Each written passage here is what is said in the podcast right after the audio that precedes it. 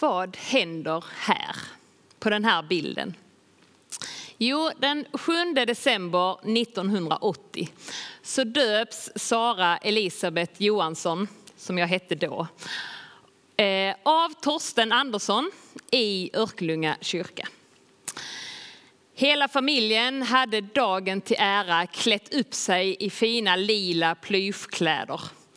Min mormor Vera var med och bar in mig i kyrkan. Ehm, som en hjälplös liten bebis så låg jag där i famnen. Jag fick lite vatten på mitt huvud. Jag tog säkert mina första toner i kyrkorummet. Ehm, jag blev uppvisad för församlingen som log och han tänkte att ah, jo, visst är hon lite lik sin mamma. Men det hände ju mer än så. Låt mig få börja den här predikan med en liknelse. Då kan vi ta bort bilden.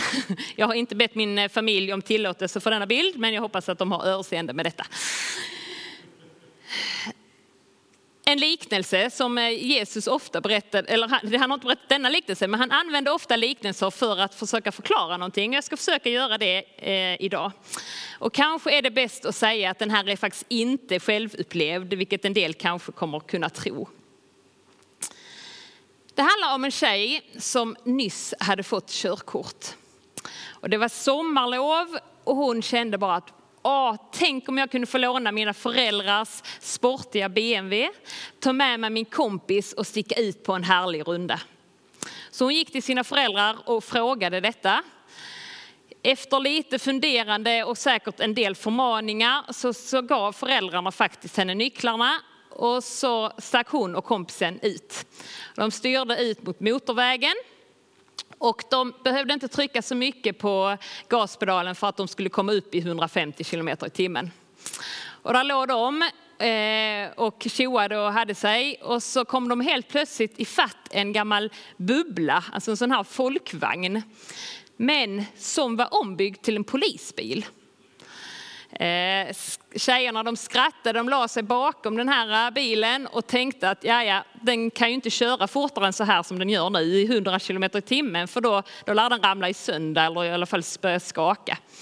Så de blinkade lite med helljuset och sen drog de om, eh, gasade ännu mer och drog om den här bilen. Polisbilen då. Eh, och så körde de en liten bit och så tittade hon i backspegeln och upptäckte sin, till sin förvåning att polisbilen låg precis bakom dem, fast att de låg i 170. Jag tänkte, hur kan det här vara möjligt? Så tänkte jag att ah, nu har jag ju ändå liksom gjort mig eh, skyldig till fortböter så att jag trycker lite mer, då kommer de ju inte kunna hänga med. Så hon tryckte nästan plattan i mattan och kände att det nästan svajade, men eh, körde på. Och så tittade hon en liten snabb blick i backspegeln och såg att bubblan var kvar. Polisbubblan var kvar där precis bakom dem. Och eh, till och med så svängde de ut i omkörning och körde om tjejerna och blinkade in dem till kanten. Skärrad, lite rädd och helt förvirrad så svängde tjejen in, öppnade dörren och innan poliserna hann säga någonting så sa hon att jag vet, jag har gjort mig eh, skyldig till både vårdslös körning och ni kommer ta mitt körkort. Men först måste ni berätta, hur är detta möjligt? En gammal bubbla, hur kan den köra så fort? Och så sa poliserna, kom med här. Och så öppnade de huven och så sa de, om man har monterat in en, den nyaste Porsche-motorn så går det mesta jag tänker så här att dopet är en bild av att alla vi som är döpta, vi har fått en Porsche-motor inmonterad i oss. Vi kan se rätt så eh, oansenliga ut, vi kan se små ut när vi blir döpta, vi kan känna oss rätt så svaga, eh, att vi inte kan göra så mycket. Men vi har fått den här Porsche-motorn i oss. Det är en Porsche-motor som hjälper oss när livets uppförsbackar kommer. När det bara känns tungt och vi knappt orkar, så finns det en motor i oss som hjälper oss upp för dem. Men också när livet faktiskt känns som en god nedförsbacke så kan den här motorn hjälpa oss att glida, att njuta av livet, att blomma ut. Ehm, och den här motorn som jag pratar om är inte en sån som fanns i den här folkvagnsbubblan. Utan det är en motor som inte kommer från någon bil, eh, bilfabrik utan från Gud själv. Vi har fått den helige andes motor i oss när vi blev döpta. Dopet, vårt dop är dagens tema. Dopet det är en present från Gud. Det är ett tecken på hans frälsning och att vi får vara med i hans familj. Det är en gåva som vi aldrig, oavsett om vi är ett spädbarn eller en vuxen när vi döps, kan förtjäna. Det är bara ett verk från Gud. Vi kan faktiskt lägga bort alla tankar på att försöka vara så goda som möjligt för att kunna förtjäna den här eh, presenten, den här gåvan. Ingen av oss är ens i närheten av att få frälsningen som ett liksom betyg eller en belöning för ett gott liv. Men precis, precis som alla andra presenter så måste man ju faktiskt ta emot den för att den ska få någon betydelse. Försöker någon ge mig en trisslott med en miljonvinst på så är den här lilla papperslappen ingenting värd om jag inte tar emot den och sen löser in den. Okej, okay, men om jag då säger, okej okay, Gud, tack för det här dopet, jag tar väl emot det. Kan jag då leva hur jag vill? Kan jag räkna med att jag, bara för att jag är döpt, kommer till himlen? Och om vi vänder på det, tänk om jag kommer på i livet att men jag vill ju inte det här, jag vill inte vara kristen. Och så har mina föräldrar någon gång när jag var pytteliten döpt mig. Kan jag ångra det? Kan jag få bort det här dopet från mig? Går det att bli av med? Nej, det nya som föds i en människa när hon döps, det finns alltid kvar. Det försvinner aldrig. Dopet är Guds omfamning, en trygghet och den här kraften den gäller i evighet. Men, det finns ju ofta ett sånt där men. Det krävs faktiskt efterarbete för att det ska få sin fulla betydelse. Dopet måste leda till att man faktiskt lever efter Guds vilja. Att man låter honom prägla sina handlingar och varje dag omvänder sig. Att man vänder tillbaka till den här förlåtelsen som dopet ger. För i dopet så tar inte förmågan att göra fel bort. Utan de här, det som vi gör fel, det förlåtes. Eller som Paulus uttrycker det, jag har dött bort från synden, men synden har inte dött i mig. Vi gör fortfarande fel även om vi är döpta. Och vi kan inte göra oss förtjänta av frälsningen. Men eftersom dopet är en kärleksgåva till dig och till mig så kan vi ägna våra liv åt att försöka besvara denna otroliga kärlek som Gud har till oss genom att vara så goda som möjligt genom att försöka leva efter hans vilja, genom att försöka gå och vara hans redskap. Och eftersom vi då ändå aldrig når målet så får vi varje dag bara på nytt, på nytt ta emot den nåd och förlåtelse som dopet ger. Och så får vi återvända till det hela tiden. Och den kärlek som Gud ger till oss genom Jesus Kristus. Och jag är faktiskt helt övertygad om att det kommer inte stå en enda i himlen och säga att Åh, här vill inte jag vara. Det är mina föräldrars fel för att de döpte mig när jag var liten och så kom jag till himlen bara för det. Gud har gett oss en fri vilja. Han vill att vi själva ska säga ja varje dag till honom säga ja, jag vill leva med dig. Jag vill leva i mitt dop. Han tvingar sig inte på en enda människa.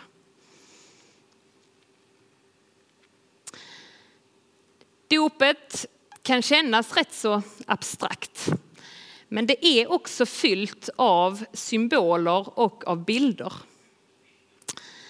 Eh, bland annat så har man ofta på sig en vit, alldeles för lång, om, om det nu är ett barn som döps, så är det en alldeles för lång klänning.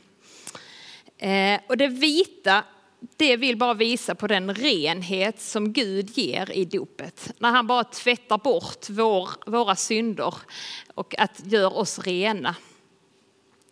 Och att klänningen är för stor vill vara ett tecken på att vi behöver växa i, in i vårt dop. Att vi behöver eh, bli undervisade om dopet hela livet egentligen. Vattnet som vi använder är också en symbol. Det är en symbol på något som ger liv. Eh, vatten är något varje levande varelse behöver. Det är en förutsättning för att nytt liv ska uppstå. Men vatten är också någonting som har en otrolig kraft. Som kan liksom spränga väldigt mycket och som kan, dels kan förstöra men också, och den här otroliga kraften får vi också i dopet. Vattnet brukar finnas i en, i alla fall i eh, många svenska svenska kyrkor så finns är en dopfunt och funt betyder källa. Så vi får det här vattnet ur en källa, ur Guds källa. Man brukar prata i dopet om död och uppståndelse. Att vi dör bort från vår synd. Den gamla Sara dör och så uppstår hon till ett nytt liv tillsammans med Kristus med hans seger inneboende i mig. Jag har fått den. Jag har fått den där motorn, Porsche-motorn, och jag har fått Jesus seger här i mig. Så när djävulen kommer och säger att haha, nu ska jag straffa henne för att hon har gjort fel. Så säger faktiskt Gud att nej, den där gamla Sara, hon finns inte. Det går inte att straffa henne. Hon har dött. Nu finns det en ny Sara som lever genom mig.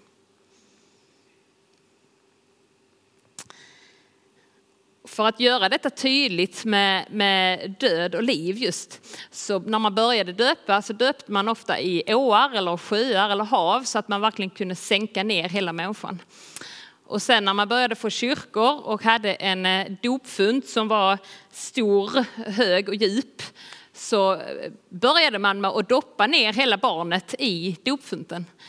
Men eftersom på vintern det var iskallt i kyrkorna så började barnen få lunginflammation när de döptes och då valde man faktiskt att börja bara ta vatten på huvudet istället. Vilket kan kännas rätt så schysst. Eller klokt. Och en bild till, det handlar om familj. Vi döps in i Guds familj. Men vi döps också in i en församling. Man frågar eh, föräldrarna om de vill att, man ska, att, eh, att deras barn ska döpas och leva tillsammans med församlingen. Guds önskan är att den som har blivit döpt ska leva kvar i kyrkan, i församlingen som faktiskt är förlåtelsens gemenskap. Och där de ska få vara, det ska få vara en plats där man får växa in i sin dräkt och någonting som inte bara varar fram till konfirmationen då man liksom ska bekräfta eh, sitt dop, utan någonting som varar hela livet. Bengt Pleijel, han sa så här när han var 87 år och han säger säkert fortfarande som 93-åring. Han säger den helige ande som har blåst in liv i, i oss har satt oss i rörelse. Vi är inte framme. Vi är inte färdigfrälsta. I'm a Christian but be patient, I'm under construction. Alltså jag är en kristen men har tålamod för jag är inte färdig än. Jag håller på att formas. Vi är på väg, det finns mer att upptäcka, mer att få, fler överraskningar som ligger och väntar på oss säger han 87 år. Jag hoppas att jag har fått den, om jag får leva så har den glöden kvar när jag är så gammal. Men då kan man fundera på den här Porsche-motorn som jag pratade om i början. Hur använder vi den? Hur låter vi den heliga andens vind få märkas i våra liv? Ja, jag fortsätter lite med Bengt Pleijel. Han säger, var inte en roddbåtskristen. För då sitter du med ryggen mot vinden och kämpar som ett djur för att komma framåt. Och så blickar du bara bakåt. Nej, var istället en segelbåtskristen. Hissa segel och låt vinden föra båten med full fart framåt i samverkan med den heliga anden. Och så säger han ut i nöden med budskapet om nåden.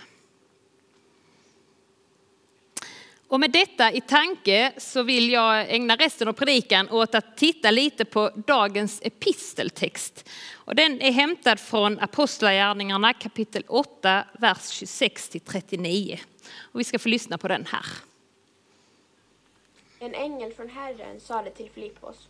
Gå nu vid middagstiden ut på vägen som leder från Jerusalem ner till Gaza. Den ligger öde. Han gick genast. Då kom där en etiopier, etiopier som var mäktig hoveunuck hos Kandake, den etiopiske drottningen, och hade ansvaret för hela hennes skattkammare. Han hade farit till Jerusalem för att tillbe Gud och var nu på väg hem och satt i sin vagn och läste profeten Jesaja. Anden sa till Filippos, gå fram till vagnen och håll dig intill den. Filippos skyndade fram och när han hörde mannen läsa profeten Jesaja frågade han, förstår du vad du läser? Hur skulle jag kunna det utan att någon vägleder mig, svarade mannen.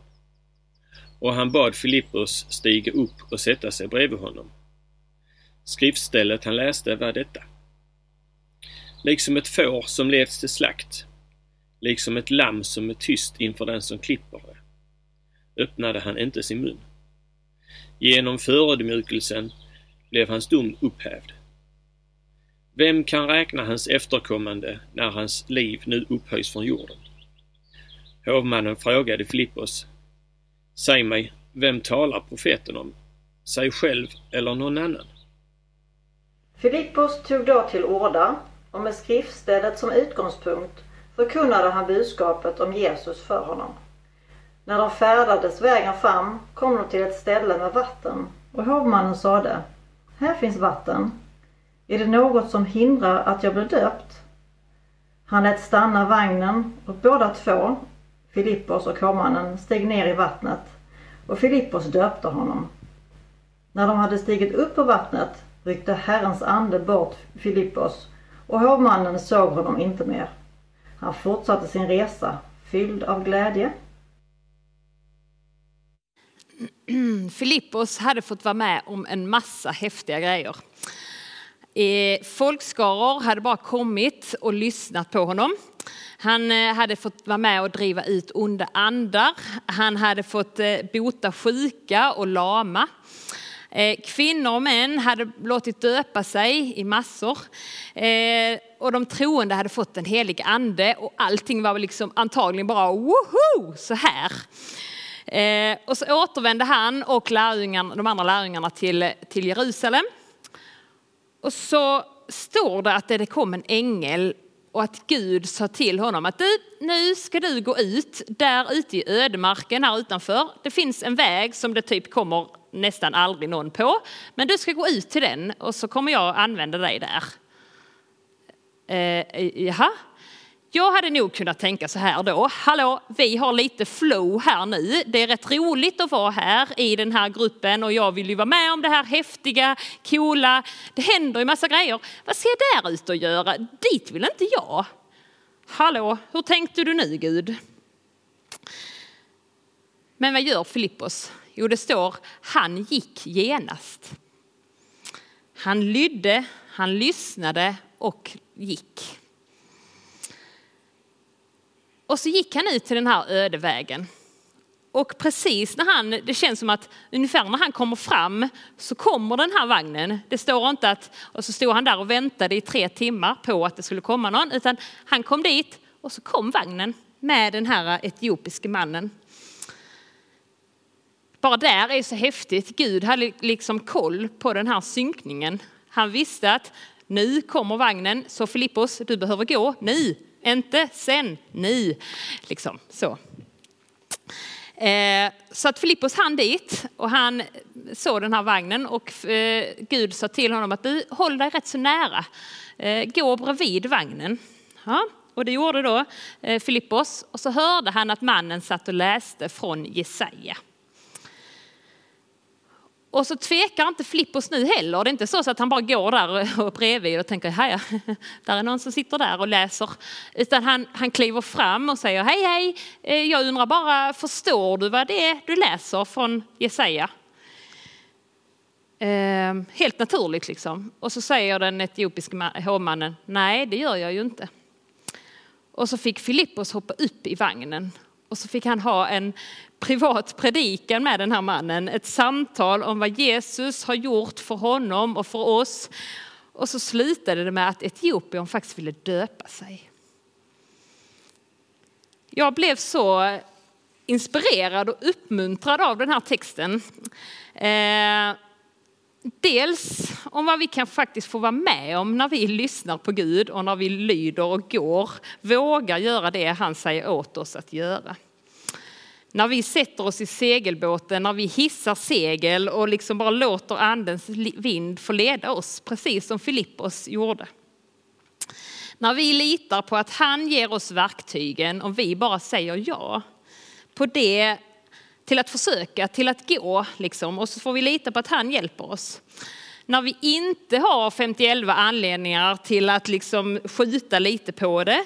Eller för att jag måste ju hinna förbereda mig, jag måste ju tänka ut vad jag ska göra, hur jag ska göra och eh, så. Och så kanske den här vagnen hinner åka förbi, tillfället kanske försvinner.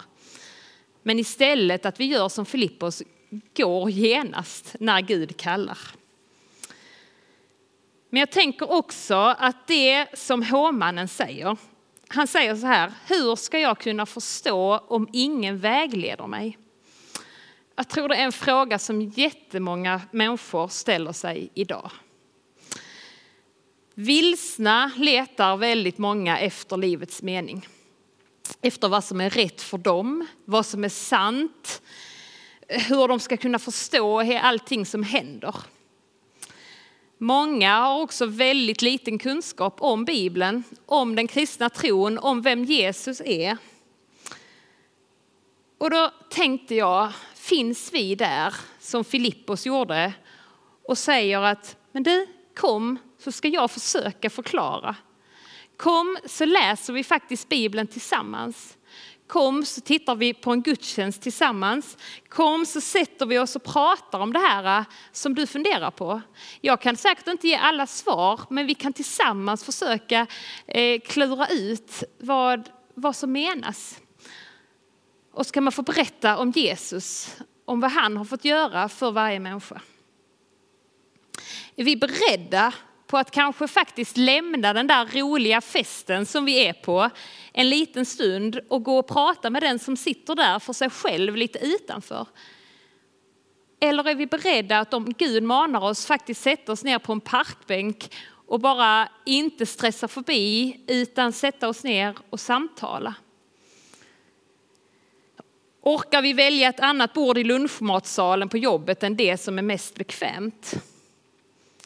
Och med kanske koppling till dagens tema, dopet, om vi är fadder till någon, vågar vi eller vill vi då ta det spännande uppdraget som det är på allvar?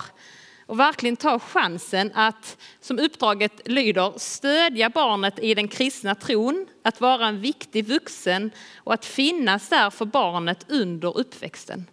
Och kanske hela livet skulle jag vilja tillägga. Jag tror att vi alla kan få vara Filippos för en annan människa.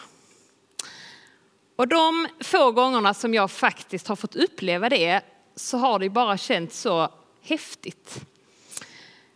Små samtal med konfirmander när de har liksom lite gläntat på att ja, men jag tror jag vill lära känna den där Jesus. Kan du berätta lite mer? Och så har man fått prata med, med nyfikna ungdomar. Någon gång när jag har suttit på, i bilen tillsammans med en kollega på väg till en hockeymatch när jag tidigare jobbat som journalist och så har de fått säga att men du varför är du kristen egentligen? Hur, hur kommer det sig? Och så har man fått berätta om tron en liten stund. Och i tjänsten som jag har nu här som eh, ansvarig för barnverksamheten, när barnen kommer med sina frågor, sina infallsvinklar som jag aldrig hade tänkt på när vi läser en bibeltext. Och så får man prata om det och det blir ju liksom bara win-win situation. Jag lär mig och de lär sig förhoppningsvis också. Och inte minst möjligheten och ansvaret att berätta för mina egna barn om att Jesus älskar dem, om vem han är, om att de har fått en Porsche-motor i sig, den helige ande, som gör att de kan göra så mycket mer än de själva tror och än andra tror. Och att det är en motor som kommer hjälpa dem genom hela livet. Både när det känns tungt i uppförsbackarna men också när det känns gött i nedförsbackarna. Och att han finns där för dem. Ehm, och verkligen anta den utmaningen, utmaningen det är i att när frågorna dyker upp, som min son Simon eh, frågade bara, men alltså det här med att Jesus är både i himlen och på jorden, hur går det ihop? Och så får man själv bara, ja, eh, försöka tänka igenom det och försöka förklara. Eh, otroligt lärorikt för en själv också kan jag säga, när man får de frågorna. Eh, men till sist också så tror jag att vi ibland tvärtom kanske behöver någon som är Filippos för mig, för oss. När vi fastnar i frågor kring livet och tron, oavsett hur länge vi har varit kristna så kan vi hamna där. Vi funderar på var, varför står det egentligen så här i Bibeln? Eller varför händer det här mig nu? Varför är livet jobbigt? Vad vill Jesus med detta? Varför uteblir bönesvaren?